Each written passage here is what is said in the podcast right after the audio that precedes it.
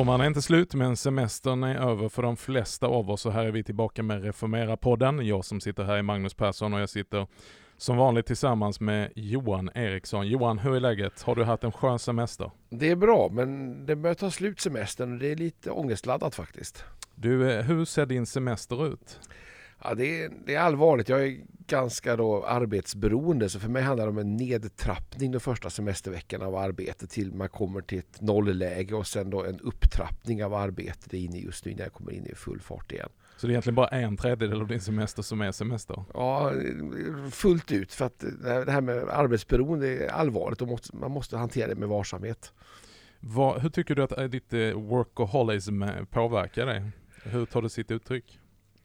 Alltså man blir ju bitvis väldigt effektiv, det kan man ju inte förneka.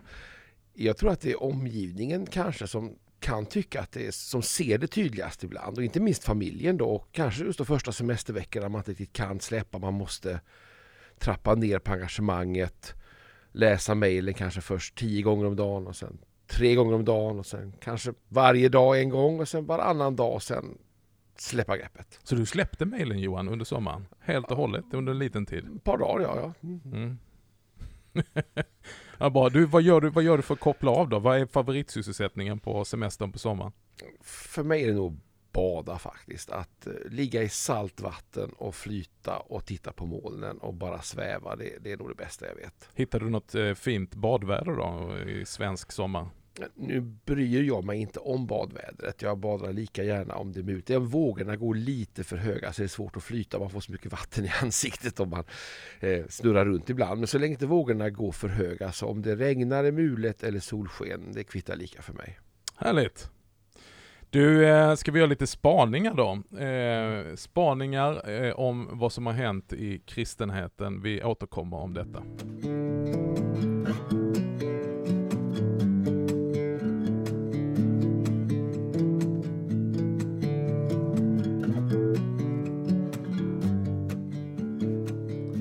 Johan, eh, ett ärende som du har sysslat väldigt mycket med under eh, slutet av våren och som också har fått en följetong in i sommaren, det är ju det här avkragningsärendet av en EFS-präst uppe i Luleå stift.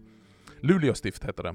Eh, och det har hänt lite vidare saker om det här i sommaren. Ge oss lite information? Ja, först av allt så är ju prästen pro, påkragad igen som det heter då, av överklagandenämnden och överklagandenämnden har i princip avvisat hela domkapitlets resonemang och underkänt det.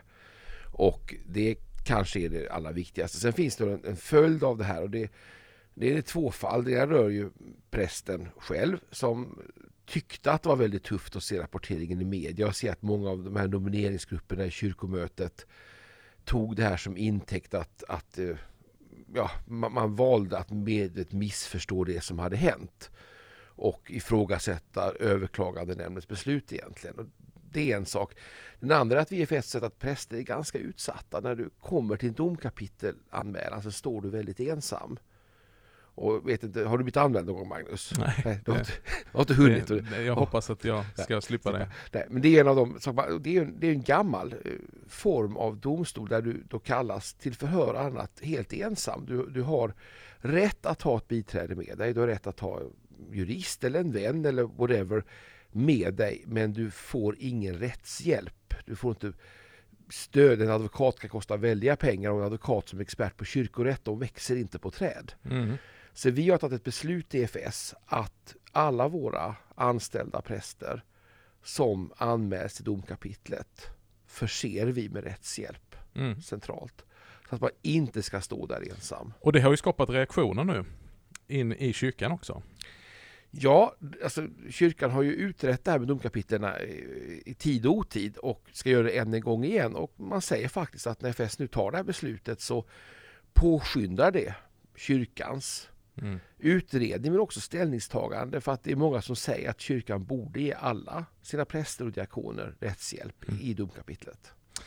Eh, om vi lämnar just själva den frågan och tittar liksom på den större delen av kristenheten så kan man ju säga att det här är en god ordning ändå. Om den brukas på rätt sätt så är den episkopala ordningen med översyn bevisligen någonting som behövs i kyrkan eh, och som alltid har funnits. Ja, och domkapitlen funkar generellt sett bra, men med undantag. Och det, det som jag lägger starkt på är att det skiljer sig så mycket åt från domkapitel till domkapitel. Då varje stift har ett eget domkapitel och praxis faktiskt skiljer sig åt från domkapitel till domkapitel. Och det tycker inte jag hör hemma i en rättsstat. Där måste man se över att, att du ska kunna bli lika behandlad oavsett vilket, eh, vilket eh, stift du verksam. Ja. Mm. Sen, sen kan man inte bara driva heller populistiska frågor. Eh, utan här står det ju att vaka över bibel och bekännelse. Mm. Alltså de allra flesta fall domkapitlet handlar om livsstilsfrågor. Mm. Att en präst har skadat det anseende en präst bör ha. Och det, det, det är oftast där. Och där tycker jag domkapitlet överlag hanterar det väldigt bra. Om än olika. Men, men bra. Sen kommer det här med lärofrågorna då. Och de är väldigt ovanliga. Mm. Och de, de, kan ju resultera i att en präst blir avklagad. Och då är det nästan alltid på egen begäran. För då har man tagit avstånd från den kristna tron och läran. Av någon anledning. Och då ska man ju inte vara präst längre. Och då är det liksom väldigt uppenbart att den här personen inte, inte vill längre. Och, och mm. ofta är det rena provokationer. Men det hör till ovanligheterna verkligen. Det som hände i Luleå var att det blev ju en lärofråga där man ifrågasatte vad som är kyrkans lära och också ställningen mellan då kyrkomötets beslut och egentligen bekännelseskrifterna. Mm. Men, men här, här rör vi ju vid ett ämne som också har varit eh, debatterat i, i, i, kristenheten och faktiskt också i sekulär media, men kanske framförallt i kristenheten den här sommaren. Eh, och det är ju vem, vem är det som ska pröva läran och gripa in när saker och ting börjar liksom driva mot diket? Och här har vi sett många olika reaktioner som inte har att göra med Svenska kyrkan utan som har att göra framförallt med frikyrkovärlden där man betonar den fria församlingen. Ja, här har vi ett problem. Jag tänker att det börjar med bekännelseskrifterna egentligen. Mm. Eh, kyrkans stora fördel här är att man har en ordning där Bibeln är överordnad och sen kommer bekännelseskrifterna. Och så finns det en fallande hierarki där då egentligen biskopsbrev och kyrkomötet ligger i slutändan. Och det skapar ju också en rättsordning att då pröva läran. I det här mm. fallet i Luleå så säger man att Bibeln är överordnad. Mm. Och det är jätteenkelt. Det som jag tror den debatten som förekommer i frikyrkan, du tänker på debatten kring Knutby egentligen. Ja, efterspelet ja. också. Ja. Där man, man kan ju betona och understryka att Knutby är ett extremfall som är helt unik i sitt slag. Nästan på, på, på global nivå. Men det intressanta är ju det samtalet som kommer in. Hur många andra platser finns lite av den här kulturen och då syftar jag inte på de här extremiteterna. Utan det här, när vi säger då liksom Bibeln, jag tror att alla sammanhang som har hamnat i en osund lära och osund kultur skulle alla säga att vi tror på Bibeln. De skulle alla citera Bibeln. Eh, och, men det är här som är skillnaden att vi talar om Bibel och bekännelseskrifter. Det vill säga att det finns en ram för hur Bibeln ska tolkas. Mm. Jag tror att det är faktiskt, om vi ska se på pingst då, där Knutby hörde hemma från början, så har pingst ingen trosbekännelse. Och uttrycker det så också. Och redan där har man ju ett problem. Trosbekännelsen skapar ju en ram för hur vi tolkar Bibeln. Mm. Och, eh, och den, det, har man sen då som vi då bekännelseskrifter, till exempel Augsburgska bekännelsen, som väldigt tydligt utlägger så får man också en, en tydlig ram att det här fungerar inte. Och jag tror att det pingsterapeut är en stor katekes helt enkelt.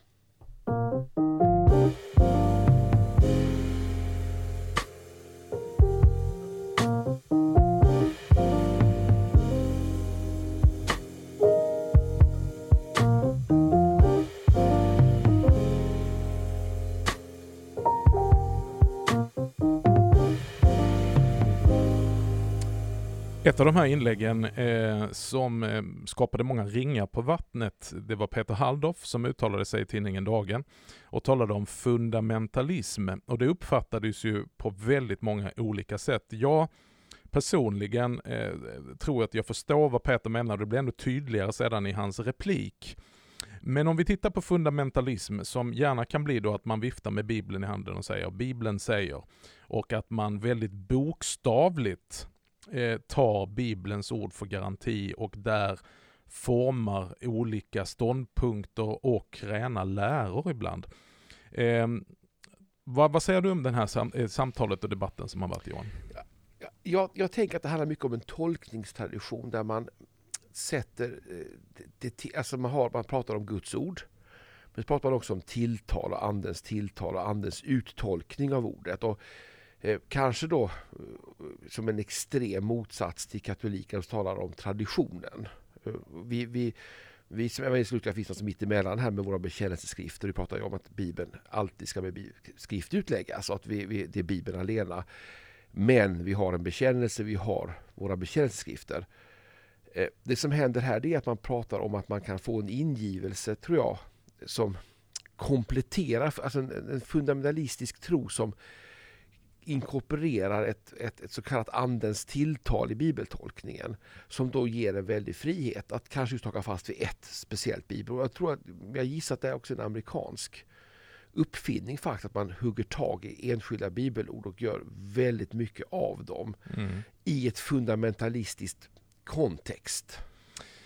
Ja, alltså, jag har en annan spaning här och det handlar om den här kulturen av framgång och tillväxt och att vara unik, speciell, sensationell, att vara det senaste, det största, det bästa och det vackraste som har kommit väldigt mycket, eh, ja, bara de senaste decennierna kanske, där det är väldigt profilerade både församlingar och profilerade ledare och där man känner den här pressen på att vi måste dra folk vi måste ha någonting väldigt eh, specifikt och sensationellt att erbjuda och där skapar man en kultur som sätter väldigt mycket press. Jag har själv levt och stått i, i, i det sammanhanget och gjort mig skyldig till samma, den typen av saker där eh, framgång till vilket pris som helst, där du till slut börjar lägga en företags imperiebyggande struktur som ett raster som du läser Bibeln igenom.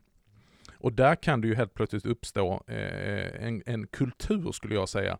Mer än vad det handlar om, alltså det är den kulturen som också eh, blir ett raster för bibeltolkningen. Och då tänker du att man tillåter ganska stora avvikelser mot skriften därför att man har framgång rent fysiskt. Och det, ja, du... ja, ja, jag vet inte vad du menar med fysiskt, men rent reellt menar du. Mm. Alltså att, att, att om du bara har framgång så kan du i vissa sammanhang komma undan med ganska mycket. Alltså ditt, ditt, ditt, ditt första, vad ska jag säga, man får, man, får, man, får, man får träda försiktigt när man går här, men det första, man frågar inte är detta sant och rätt? Utan man säger, funkar detta? Ger detta resultat? Och det resonemanget väldigt mycket liksom att, ja ja men alltså, Eh, det blir lite så här skitsamma vad, vad, vad teologerna säger, eh, de har ingen framgång, men titta här hur många vi döper. Titta här hur många som kommer på vårt, eh, våra gudstjänster, titta här hur snabbt vår församling växer. Och så kan du liksom på något sätt skapa, det där måste vara rätt för det fungerar. Alltså ett pragmatiskt förhållningssätt. Intressant tanke man kan se det i ett större perspektiv, men tänker du att det också drabbade Knutby? Att initialt så kom Knutby undan lite grann för att man hade mycket dynamik och tillväxt och att det Alltså jag, jag, jag, har för lite insyn i själva Knutby för att tala om det, utan jag, vad jag tycker är mest intressant, jag tycker Knutby är extremt. Men jag skulle vilja beröra en mycket större kultur, som inte alls är lika extrem och som vi alla på ett eller annat sätt har varit en del av eller har, har attraherats av och som syns och som märks.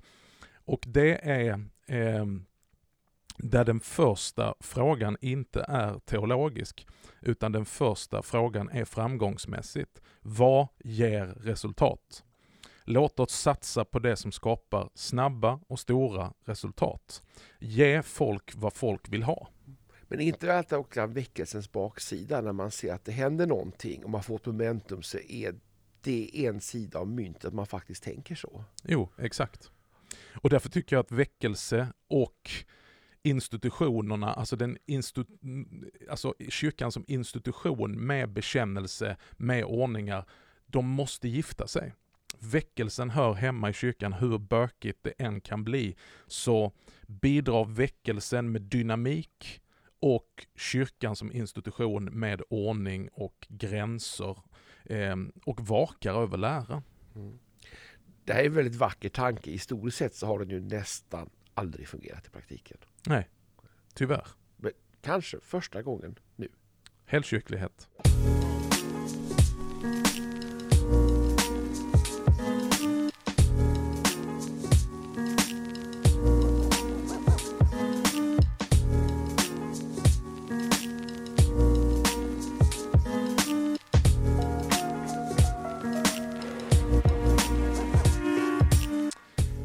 Tänker att eh, vi behöver komma bort ifrån personfokus. Att eh, varje väckelse och eh, varje rörelse också inom kyrkan har haft sina eh, portalpersoner. Gud använder ju människor. Människor att plöja upp vägar, att öppna upp dörrar, människor som redskap, det kommer vi aldrig komma bort ifrån. Utan det är mer vilken kultur vi skapar runt det att där är det väldigt snabbt så att vi människor funkar så att vi flockas till människor som är lite larger than life, som har en viss attraktion, som har en viss dynamik och som inte minst är begåvade av Gud med, med, med, med starka gåvor. Och eh, det där är ju eh, någonting som vi vill ta emot men som vi samtidigt måste ha ett sätt att hantera. Eh. Men, men tänker du att man har behövt en läronämnd. Ja, vi har ju en läronämnd i vår kyrka. Och det, mm. det, det, jag har ju gått ifrån sån här liksom, fri form av fri församling. Varit med och startat egen församling och eh, eh jag är inte jättestolt. Jag, jag, läste den här insändaren av ett gäng eh, unga människor som har växt upp i sådana sammanhang. Och jag kunde ta till mig en hel del av vad de skrev. Alltså de kom inte från Knutby, utan de kom ju från pingst och tros och karismatiska eh, sammanhang. Och berättade nu med, med, med, när de tittar i backspegeln utifrån det som eh, berättas i Knutby. Och de gör också den här ty tydliga skillnaden och säger att Knutby är unikt, det är extremt, men det fanns sådana här inslag i den här församlingskulturen vi växte upp i, i konferenser, i fokus och så vidare där man efterfrågar lite de här ordningarna. Och det är ju den resan jag har gjort, bort ifrån det här sammanhanget där man är fri eh, från allt som kan sacka dig, fri från allt som kan begränsa dig, att bara köra på för att göra någonting stort, vackert och framgångsrikt. För det har jag en spaning också, det handlar om nästa generation. Alltså i med den här teologin som egentligen handlar om väckelserörelsernas efterspel och frikyrkans födelse så får vi också ett stort problem med andra och tredje generationen. Något som historiska kyrkan inte riktigt haft på samma sätt. Och plötsligt har vi då en enorm debatt om hur vi då till exempel för det här vidare till våra barn och våra barnbarn. Ja, jag tror redan att vi har gjort ett misstag med de 20-30 åren vi har bakom oss, kanske 40 åren, av det här fokuset i, i vissa delar av kristenheten, så har vi skapat själiskt och känslomässigt utbrända människor. För det handlar hela tiden om detta fokuset, att saker och ting ska bli stort, saker och ting ska bli starkt, saker och ting ska, eh, du ska liksom lägga ner ditt liv, du ska, allt det här är, är ju återigen liksom, vi ska inte gå från ett dike till ett annat dike, men det är ju så svårt att hålla sig mitt på vägen här va? Eftersom eh, allt det här talet om att det ska vara speciellt, du ska ha tilltal ifrån Gud och Gud vill göra stora grejer med dig, kan få lagens funktion i ditt liv som knäcker dig som människa. Och egentligen så, så, så eh, det är som att gå på anabola steroider andligt sett hela tiden. Och ett väldigt fokus på upplevelsen. Då. Jag, vi hade besök av vänner nu på semestern här som prata ut på att hitta rätt församling då. Att man sökte då församling som både hade starka lovsången, starka förkunnelser men framförallt den här upplevelsen då som man kanske upplevt vid ett par tillfällen i livet. Sweet spots när det varit väldigt, väldigt bra. Att man ständigt jagat att få komma tillbaka till den känslan igen. Och jag tänker att det är ganska svårt. Mm. För att livet är skiftande och jag tror också att värdemätaren funkat men, men då gäller det att få det. här... Men finns det också en sanning att det här attraherar människor och, och, och en traditionell kristendom kan också bli i värsta fall embardigt tråkig faktiskt. Mm, det är den här balansen mellan att lyfta och landa, brukar jag använda. Att många människor, många liksom som betonar den här väckelsekristendomen, det handlar väldigt mycket om att lyfta. Eh, gudstjänsterna ska lyfta, lovsången ska lyfta, förkunnelsen ska lyfta, ditt andliga liv ska lyfta. Och det vill vi alla vara med om. Att känna att det blir så att säga luft under vingarna, att det här bär. Men alla som har varit med och gjort en flygresa, visst är det härligt att lyfta, men hela poängen med att lyfta det är att du ska landa när du har lyft och du, liksom, du vill inte sväva kvar uppe i atmosfären. Va? Utan alla lyft du gör handlar ytterst sett om att landa någonstans. Och kanske vi är inne i ett läge idag där det inte bara handlar om att hjälpa människor och församlingar och sammanhang att lyfta, utan framförallt att landa. Att få fast mark under fötterna och landa tryggt i både lära, ordningar, liv, funktion och jag tänker med all den psykiska ohälsa som finns runt omkring oss. Vi har en generation där, där tragiskt många är utmattade och känslomässigt slutkörda. Inte minst på grund av den här typen av kristendomen så behöver vi en lära en förkunnelse, en gudstjänstform som absolut lyfter men framförallt hjälper människor att landa. Här har det också att göra med människosyn, en bibliskt grundad människosyn. Jag tror att när i sådana här sammanhang blir en alltför optimistisk människosyn. Som du är liksom stor, stark, du ska ha ett genombrott, du ska, the sky is the limit och alltihopa. Så finns det en uppmuntran i det, det finns en push och ett peptalk i det. Men oftast är den, landar det aldrig riktigt i verkligheten och därför kommer mötet med ens egna sprickor och skador och, och, och söndrighet som en chock. Och så inser man att det här landar inte i verkligheten, så antingen får jag fly verkligheten, och då blir det svärmisk andlighet, där man liksom flyr bort ifrån det verkliga. Eller så måste jag faktiskt möta verkligheten och se hur den faktiskt kan landa i skriftens verklighet också. Mm. Det här är spännande tankar, för det här möter ju verkligen debatten vi har följt i pressen. Och här, för mig blir det här också en bottenplatta här, hur vi kommer vidare. Mm. Men hur, i praktiken, hur förmedlar vi det här? Och hur ser det ut i praktiken? Ja du, om man ska hinna, hinna eh, i några korta meningar sammanfatta det, det, det, tror jag det finns bättre människor än, än jag att göra. Men, men eh, det handlar om att få fast och robust teologisk grund under sina fötter. Att vi får stå på klippan den som bygger sitt hus på klippan, den kommer inte, säger Jesus, att undvika stormar. Ovädret kommer, men huset står kvar. Men den som har byggt samma hus, och kanske ännu större och vackrare, men byggt det på sankmark, det huset rasar när stormen kommer. Så vi behöver en undervisning som hjälper oss se vad människan är för någonting enligt skriften. Människan är enligt Jesus full, alltså han säger att det orena är inte det som kommer in genom munnen, utan det orena, det vill säga synden och ondskan, det kommer från hjärtat på människan. Och det är därför vi behöver Jesu Kristi nåd, att bli pånyttfödda, att bli förvandlade av evangelium. Eh, och ett evangelium som, som också får oss att landa i detta som vi på luthersk eh, tradition säger simul justus et peccator, det vill säga samtidigt rättfärdig och syndare. Eh, vi är komplexa varelser och den komplexiteten, den möter vi i livet. Och möter vi inte den i kyrkans förkunnelse, då blir det off. Vi behöver en förkunnelse som därför möter människor där de är. Mm. Nu fick jag en association till den här söndagsskolsången att inte bygga sitt hus på lösan sand. Nej. Jag ska få den ut ur huvudet här men jag tror att... Det, Kanske kan sjunga den här till slut ja. det, det, det, det, är one step too far. Nästa avsnitt kanske. Men det här är intressant. Att det här handlar egentligen om kristendomens basic foundation. Vi är tillbaka till roten.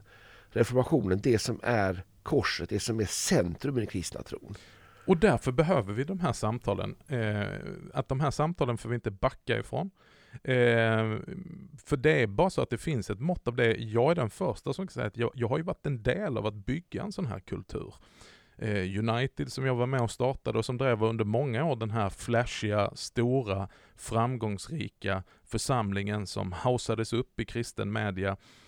Jag var förkunnare i många olika konferenser, men i en, en, en, en egen faktiskt eh, introspektion och, och, och, och självprövning så, så, så inser jag att nej men jag, jag, jag har dålig grund här alltså. Eh, vi måste ha ett samtal om vad är det för något budskap vi förvaltar och vad är det för ett budskap vi predikar, vad blir det för någon frukt av det och vad är det för någon kultur vi skapar. Alltså tillbaka till de här grundläggande frågorna. Vad är kyrka? Vad är kyrkans uppdrag? Eh, och eh, vad är vår tröst eh, vårt djupaste mening och vår högsta mål i tillvaron. Det är någonting som vi behöver ha ett samtal om.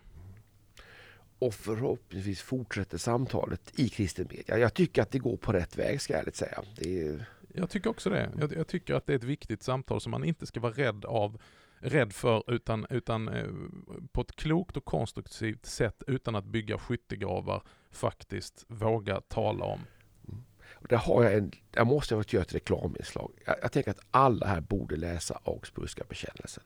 Ja, Det är viktigt att säga och eh, när Luther blir citerad, och, för att avsluta med det, han, vi säger så här, skriften alena, så betyder inte det att skriften står ensam, utan hela Augsburgska bekännelsen är fullt av hänvisningar till skriften som högsta auktoritet, men också vad kyrkofäderna har sagt och vad kyrkan har lärt sedan gammalt. Helkyrklighet. That's it. Tack för att du har lyssnat på oss, för podden. Vi är tillbaka nästa vecka. Vi tackar Dan Woodrow som har varit vår producent och klippare. Och tack Johan. Vi är tillbaka. En ny höst ligger framför. Back in, back in business. Håll check på oss på sociala medier, re formera och titta på vår hemsida reformera.net. Vi är tillbaka nästa vecka.